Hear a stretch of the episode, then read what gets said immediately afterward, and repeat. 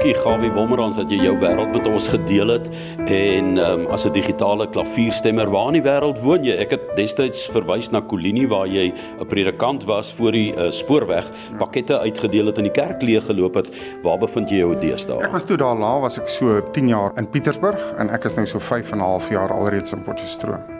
En maak 'n uh, klavier vir jou opgewonde soos iemand wat 'n pragtige renperd of 'n mooi skildery sien as jy nou instap by 'n konsertsaal en jy sien hierdie majestueuse vleuelklavier. Ek sit nou aan die ander kant omdat ek self klavier speel sien ek dit uit 'n musikant se oogpunt uit en een van my kliënte wat ek het in 'n groot auditorium, jou normale kortste vleueltjie wat jy kry is 1.29 meter lank van die klawers af tot die eindpunt. Dan die grootste normale vleuel wat jy kry is 2.5 meter, dit noem dit 'n konsertvleuel.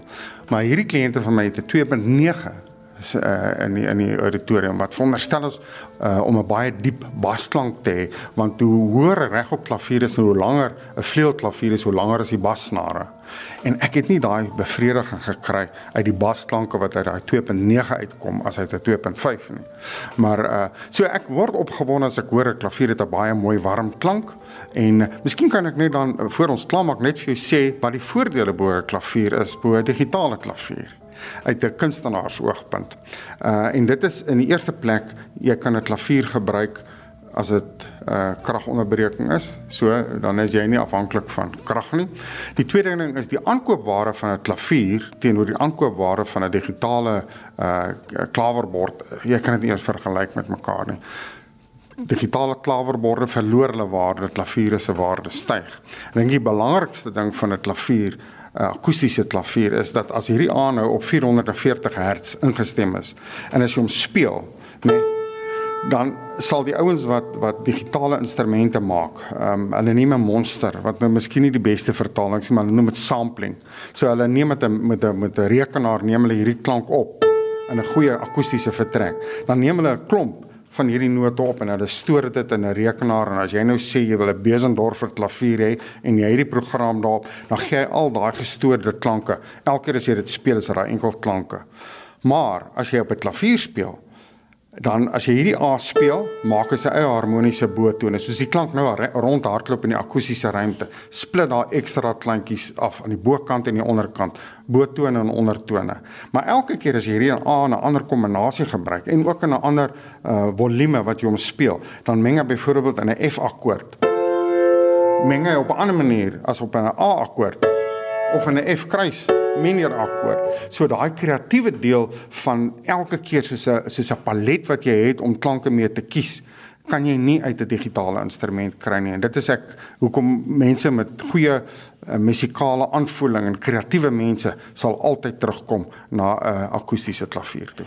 En mense gaan altyd na 'n bekende oefenlopie toe wanneer hulle klavier neem, die kinders. Hulle kan jou eintlik teen die mure uitdryf. Watter liedjie is die een wat jy die meeste gespeel het as 'n jong kind toe jy begin klavier leer daai lopies wat jy moes doen? Ek wil graag hê jy moet ons gesprek Gawie Wilmerans daarmee afsluit. Is dit dalk vir release? Is dit wat is dit waarop jy die mense teen die mure uitgedryf het en jouself ook sê ek gaan dit nou nog nie eenmaal doen nie.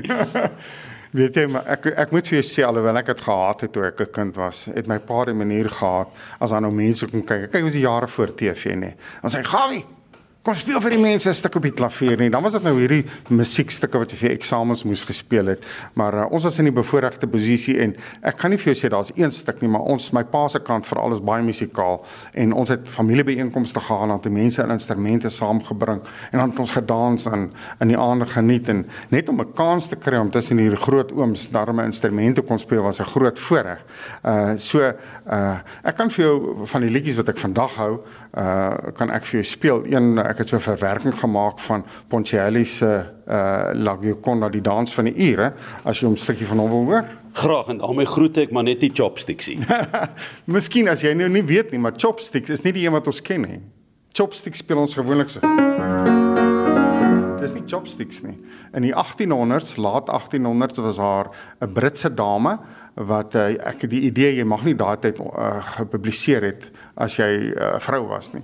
So sy het onder die naam De Lally het sy 'n uh, musiekstuk het sy gekomponeer uh, uh, en dis naam was Chopsticks, maar soos die Chinese, nê, nee, wat chopsticks gebruik in die Japaneese moet jy met hande te mekaar, weet soos hulle die gebedshandjies, nê, nee, moet jy dit speel.